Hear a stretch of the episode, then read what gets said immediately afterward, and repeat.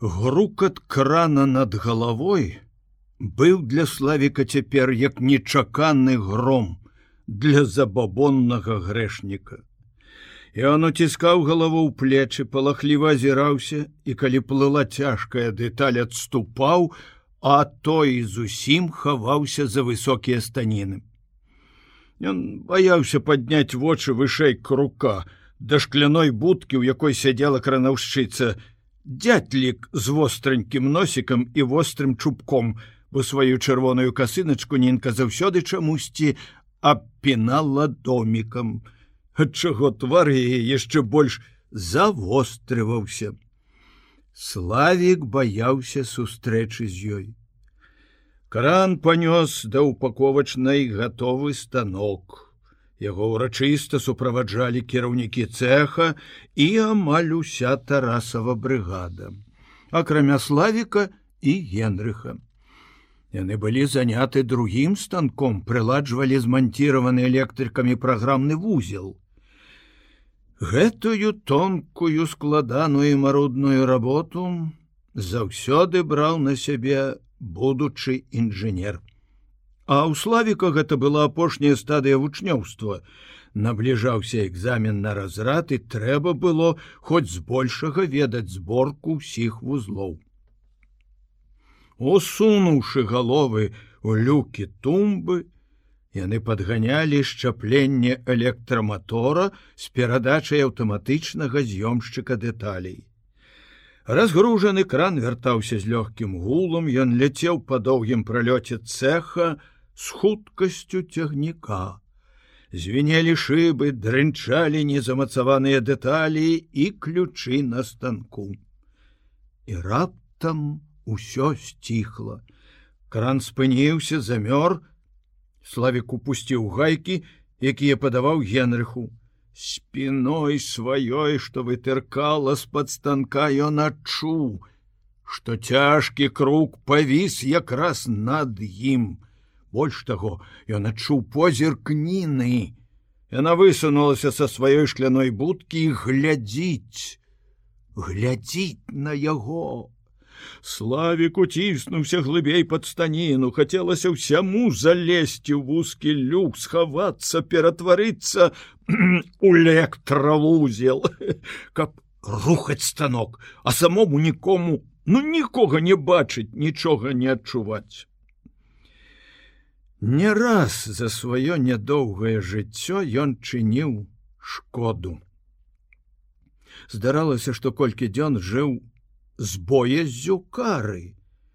Але ніколі яшчэ у яго не было такога страху. Агіднае цяжкае пачуццё. Яно скавала ўсю яго істоту, яно як невылечная хвароба, як рак, пра які чалавек ведае, і нічога не можа зрабіць для свайго ўратавання, толькі слухае, чакае калі, як, ён праявіць сябе і нанясе апошні удар. Станок уздрыгнуў, як жывая істота, кран паволі рушыў далей. Славік стояна ўздыхнуў. Генрых сказаў: « Пасвяці сюды. Славік падняў вышэй пераноску ад яркага святла, якой слязіліся вочы. Генрых кінуў на яго кароткі позірк, і рухамі штукара пачаў мацаваць маленькія гаечки. Недасведчанаму чалавеку, які бачыць станок толькі звонку, можа здацца, што такая аграмадзіна складзена з адных вялікіх і цяжкіх дэталей. Так у пачатку здавалася і славіку. А тут ёсць дэталькі, не большыя загадзіннікавыя, асабліва у электраабсталяванні. Між іншым гэтая складанасць і прываблівала няўрымслівага хлопца. Каб усё было проста і аднастайна, як яму ўяўлялася па школьнаму знаёмству з заводамі, адно і тое з хвіліны ў хвіліну з дня ў дзень, то, напэўна, даўно ўсё абрыдла б. А на зборцы заўсёды нешта новае что ў цябе з нінай спытаў генрых працягнуўшы руку па гайкі прокладкі рабро станены здушыла славіку грудзі прокладкі прыліплі да потнай далоні а, а нічога ходзім у кіно ты ж не любіш яе а хіба нельга так? Як так? Ну разам працуем разам гуляем.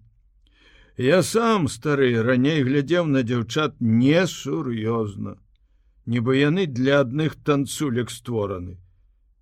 З нінкай нельга так май на увазе яна не такая як тыя.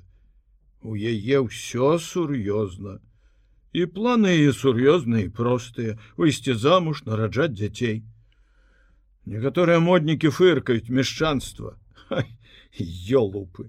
Схіліце галовы это жыццё ў яго натуральным выглядзе самі вы мяшчане Чаму ён гаворыць гэта мне? Няўжо ведае у вочы вочы б яму хлянуць але зайчыкі ад яго прафесарскіх акуляраў сляпілі і славік што той трусік перад кобрай. Толькі вушкамі варушыў. Куды знікла дасціпнасць кіткасць? Ты мне слова я табе 10 ён акулярысты чорт здаецца працуе азіркая все бачыць. Разбіць пераноску ці што быццам мне знарок Нарэшце славік скінуў чары выскаліўся. Думаў хоць адзін чалавек як чалавек, А ты як ходас і тарас, маралісты і завыў у вантробе станка сумна жыць, Генрых. Ён неаднойчы хіліў варэніка на свой бок, Вось э, такімі жартамі у яго, і косці найлепшае пачуццё гумару. Думаеш, калі сапсуеш камусь жыццё, табе стане весялей, А кому я псую? Ды пайшлі вы ўсе. Хвілін праз колькі Тарас накіраваў яго ў склад па дэталі. Славик напусціў на себе такую бестурмотнасць і весялось, каб нікому і ў галаву не ўлезла, што ў яго штось нядобрае на душы. Ён ішоў паміж станкамі, як па лесе насвістваў і раптам за станка Яно Нінка носік чырвоны вочы злые славик. Ён спалохана азірнуўся, такая цана тваім словам дзе твае вочы бессаромныя? Цяпер табе нічога не трэба? Ведай жа. Або на сябе руки налажу або цябе станінай прыдушу. Цяпер мне ўсё адно не жыць.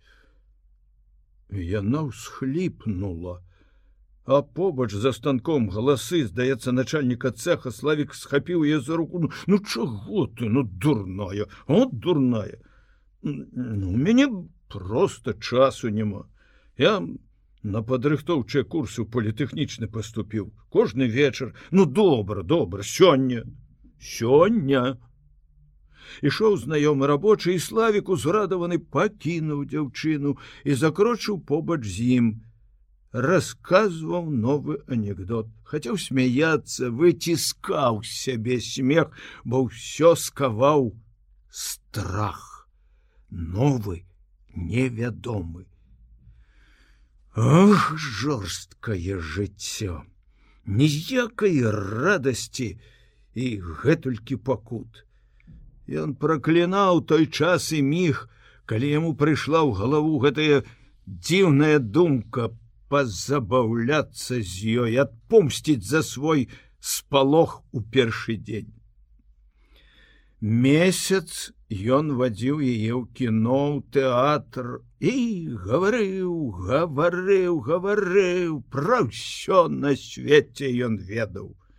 Заходзіў проста ў інтэрнат, пакідаючы ў строгай каменданткі свой заводскі пропуск, сяброўкам яе па пакоі попад ён падабаўся вясёлы адны праўда папярэджвалі ой глядзіненка загаворыць ён цябе другія падбадзёрвалі хапайненка на ляту закруці яму галаву чаго на свеце не бывае он літка за інжынера выскочыла цяпер вітацца зараза не хоча яна ведала што не вызначаецца прыгажосцю. Але дзявочае сэрца перамагло розум нараджаючы адвечную наіўную ілюзію. Хіба адны прыгожыя падабаюцца? Славик пакарыў тым што не саромеўся паказацца з ёй на людзі. У кіно ў тэатры знаёміў са сваімі знаёмымі прыгожа апранутымі хлопцамі і дзяўчатамі і рабіў гэта здавалася ёй з гонарам для простай дзяўчыны якая была яшчэ ў палоне вясковых уяўленняў гэта з'яўлялася на найвышэйшым доказам яго кахання. Магчыма, было і другое цяга чалавека, які жыў беднасці і нястачы, да прыгажэйшага, вышэйшага, лепшага. У тую нядзелю ён з'явіўся ў інтэрнаце раніцай і запрасіў яе на дзённы сеанс. А калі выйшлі з кіно, прапанаваў зайсці да яго дадому. Ненка на міг сумелася, але не ўтрымалася ад спакусы паглядзець, як ён жыве. Ну увогуле, як жыве пісьменнік. Хіба гэта не цікава? Адначасна мільганула патаемная дзявочая думка, што хлопец хоча паказаць яе сваім бацькам. Славік не прызнаўся, што дома нікога няма. Бацькі разам з ярашамі паехалі на дачу садзіць нейкія адмысловыя дэкаратыўныя кусты, па якія стары конь ездзіў ажно на ўкраіну. І раскурсам у калгасе паехалі выбіраць бульбу. Славік адчыніў дзверы і сам здзівіўся, што ў кватэры ніводнай душы жывой, Ён паказаў ёй бібліятэку, бацькавы кнігі, потым уключыў радыёлу і ўсё ставіў нерасейскія пласцінкі. Пад гукі прыгожай і незразумелай музыкі выставіў на стол доўгую і тонкую пляшку, таксама не нашу, віно нінцы не спадабалася кісляціна.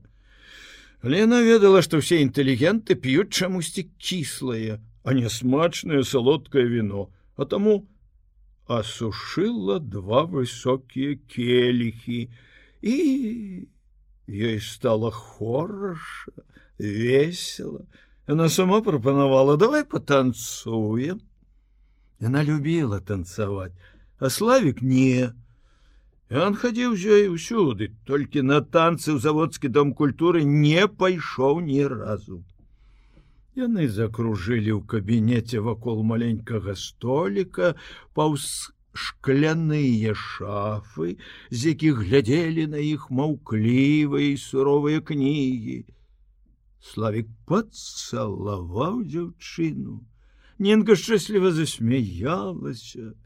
Яна заўсёды так смяялася, калі ён цалаваў яе. Праходзячы мімо канапы, славік спатыкнуўся і паваліў дзяўчыну на канапу, пачаў цалаваць прагна вусны шчокі шыю, славічак родні, роднікі не трэба славічак, ну пасля, пасля даражэнькі шаптала яна, цалуючы з такой жа прагнасцю балюча. Ён быў у тым узросце, калі сніў пра гэта і думаў бясконца і шукаў. Але адбылося зусім не так, як у сне і ў думках. Калі праз хвіліну наступіла працверазенне, ён замест задавальнення. Адчуў нешта зусім супрацьлеглае. Сорам само сабой але яшчэ агіду да гэтага. Да сябе да яе. Раптам убачыў якая яна непрыгожая нінка і адразу чамусьці ўспомніў машу якую даўно не бачыў але не забываў. Зашчымела сэрца нястерпна захацелася каб побач была маша каб яе руки абдымалі яе залатыя валасы датыкаліся яго шчокі ўсё больш расла непрыязь даніны нават злосць. Чаму яна так лёгка аддалася а можа ён не першы? Як лашчыцца славічак даражэнькі цяпер мы звязаны з табой назаўсёды. Яго нібы агнём апякло звязаны назаўсёды ўсё жыццё з ёй з адной хвіліны. Што яна вярзе чого яна хоча? І да ўсяго непрыемнага страх як удар у галаву у грудзі ажно пот выбіла а ў гэты момант звонок яны падхапіліся славік спалохаўся разгубіўся кінуўся да радыёла выключыў настойліва прагучалі кароткія тры званкі. Іра так звоніць яна. А калі бацькі? Славік уключыў радыёлу зноў крутнуў рэгулятор гучнасці залішня музыка запоўніла кватэру. Здалося што нінка знарок павольна наводзіць парадак сваім туалеце і робіць гэта перад ім бессаромна славік узненавідзеў яе ў гэты міг шыкнуў злосна ды хутчэй ты! І пабег да дзвярэй прислухаўся доўгі звонок. Але іра злуецца ён адчыніў сестра ляпнула яго па твары рукавіцай з якой пасыпаўся пясок. Соня не дазваніцца! У яго рыбацкай курцы ў штанах у акулярах яна падобна была на геолага. Кінула шапку ў калідоры на столікі не быў чуўшы нюхам прысутнасць старонняга заглянула ў кабінет. Славік убачыў, як Ніна недарэчна, у як недарэчна, абшмаргнуўшы плацце прывіталася, сырамліва, лісліва. Іра не адказала, яна глядзела на незнаёмку амаль жудасцю.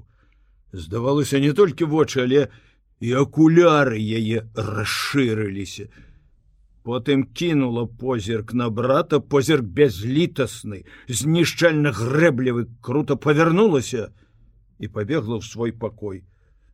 Хаця б слово сказала у кобра хацелася крыкнуць славіку. Аднойчы калі яны сварыліся ён ляпнуў гэтую абразлівую мянушку. Реакцыя была нечаканая. На яго страшэнна ўзлавалася маці і ніколі ён не бачыў маці такой расхваляванай злоснай. Таму ён баяўся гэтага слова. Не крыкнуў ён нічога ўздагон сястры яшчэ і таму што злосць на яе. Тут жа перайшла на нінку ва ўсім вінавата гэтага дятліха не знайшла другога жеста як абшмаргнуть платю ворона разгубленая пакрыўджаная дзяўчына страціла сваю упэўненасць і ад гэтага сцялася змі зарнела апранала паліто і палахліва азіралася але гэта яшчэ больш раздражняла славіков якая недарэка Ой, дзе былі яго вочы, як ён мог звязацца з такой. Але за дзвярамі кватэры на лесвіцы Нінка як бы страсянуўшыся, як тая птушка ў міг набыла ранейшую упэўненасць. Пыхлівая якая сестра твоя, подумаешь, пані, А што, яна цалавацца з тобой павінна была, гэркнуў славик а чым я горшая за яе? У славіка хапіла тактоўнасці змаўчаць. Калі вёў ненку ў дом тады ён не баяўся што ўбачыць нехта з суседзяў.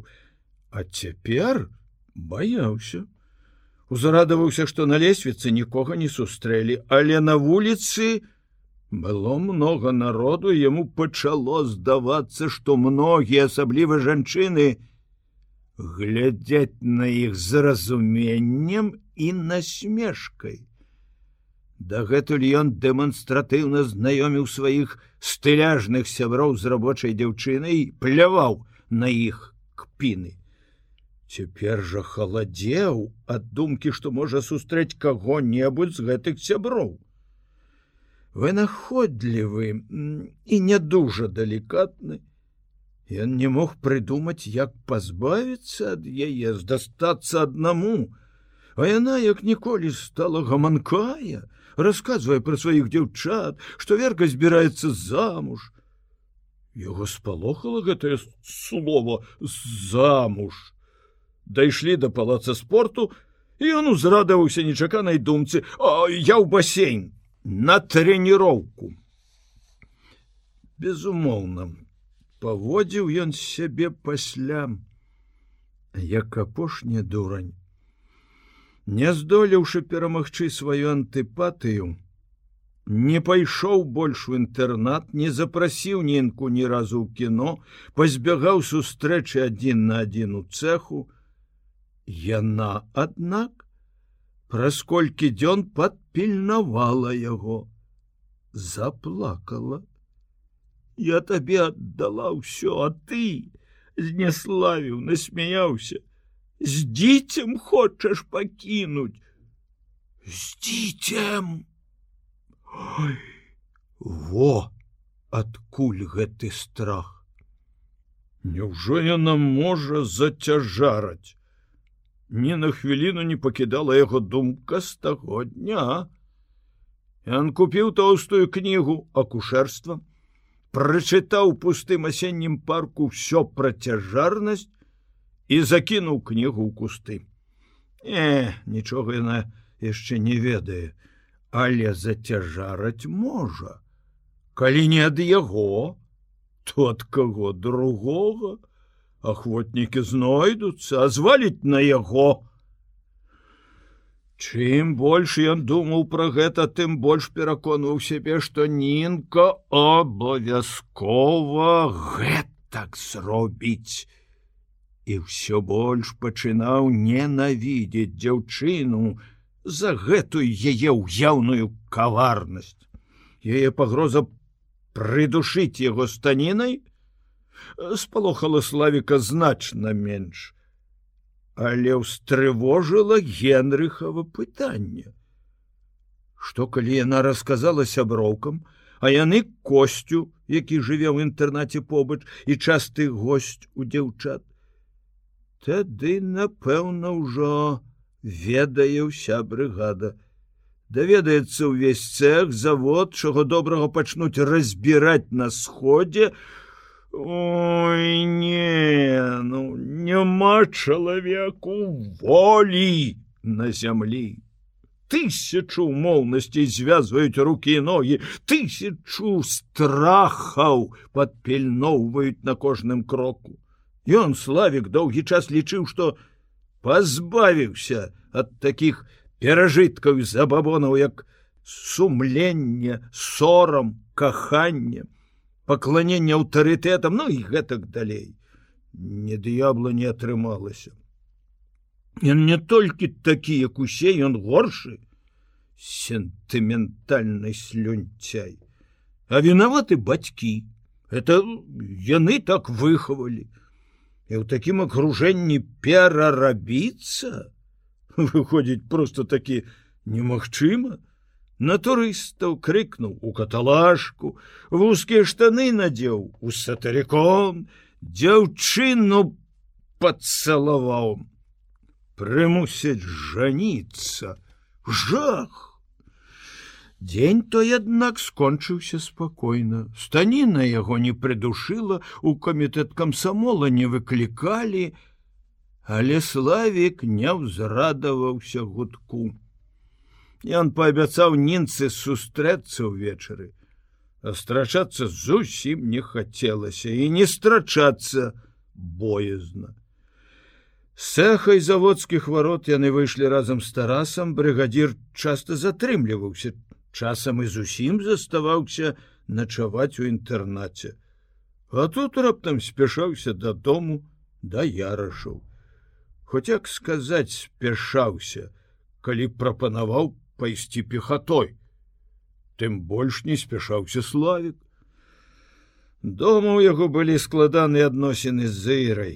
Няны на здзіўленне маці зусім перасталі сварыцца паміж сабой сестра глядела на яго з грэблівай пагардай на ён баяўся адказаць нават злосным позіркам ён просто пазбягаў яе не чапаў абы ціха было Тарас доўга ішоў моўчкі у яго быў свой клопат адносіны ў сям'і ярашаў у яго сям'і З малы год ён ведаў рэўнасць галіны Адамаўны і цяпер, калі ўсё разумеў, шкадаваў бацьку.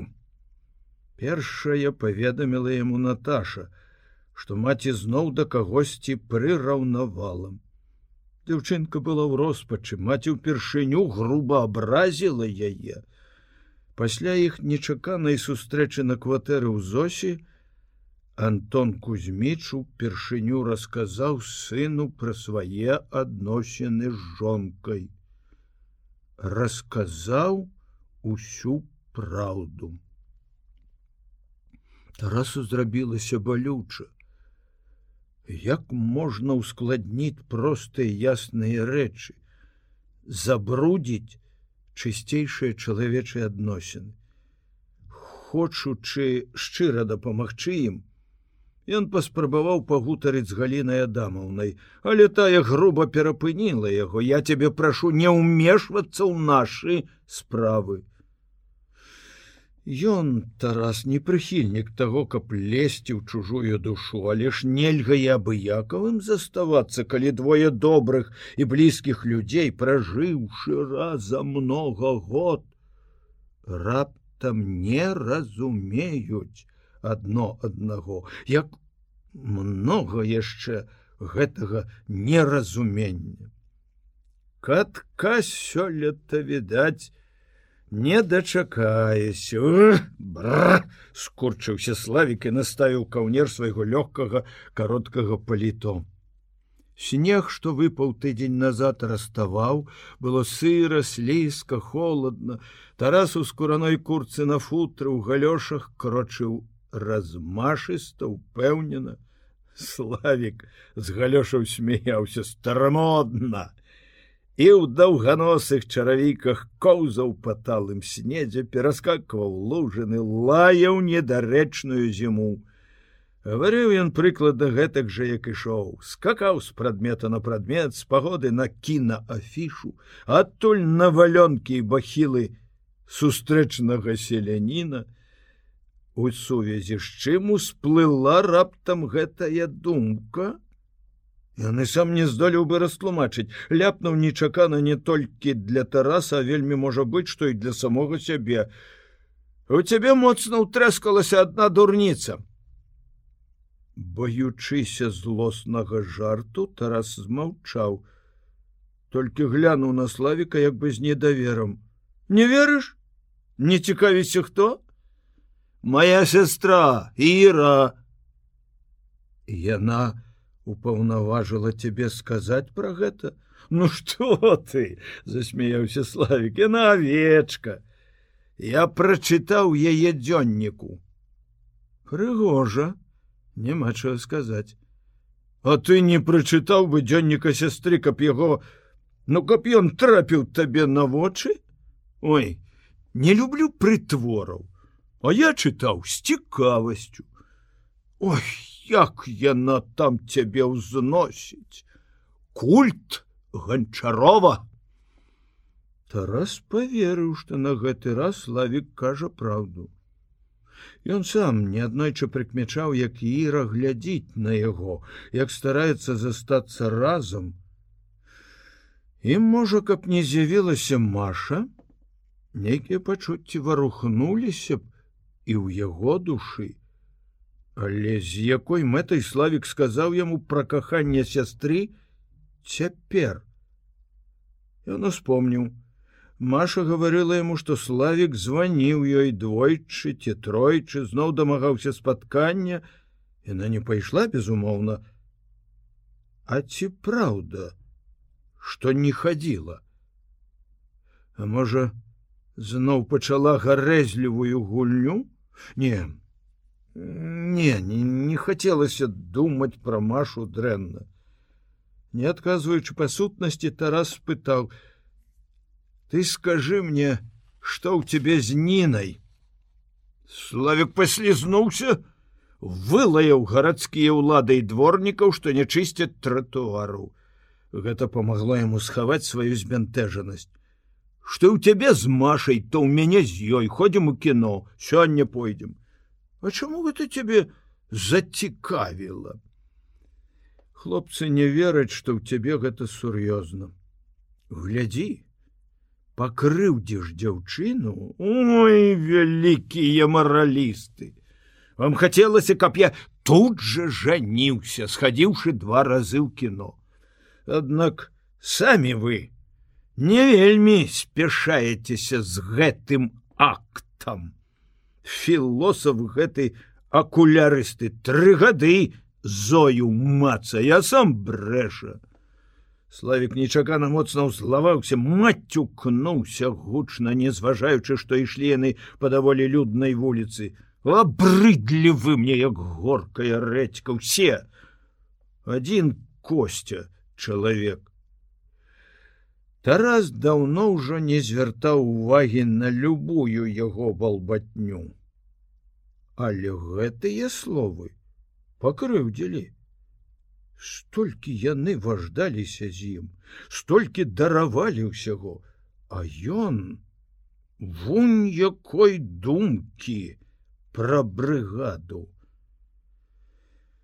Пэўна сакратар парткама меў рацыю. Не будзе з яго толку прыйдзецца развітацца. Тарас уздыхнуў аднак з жалем.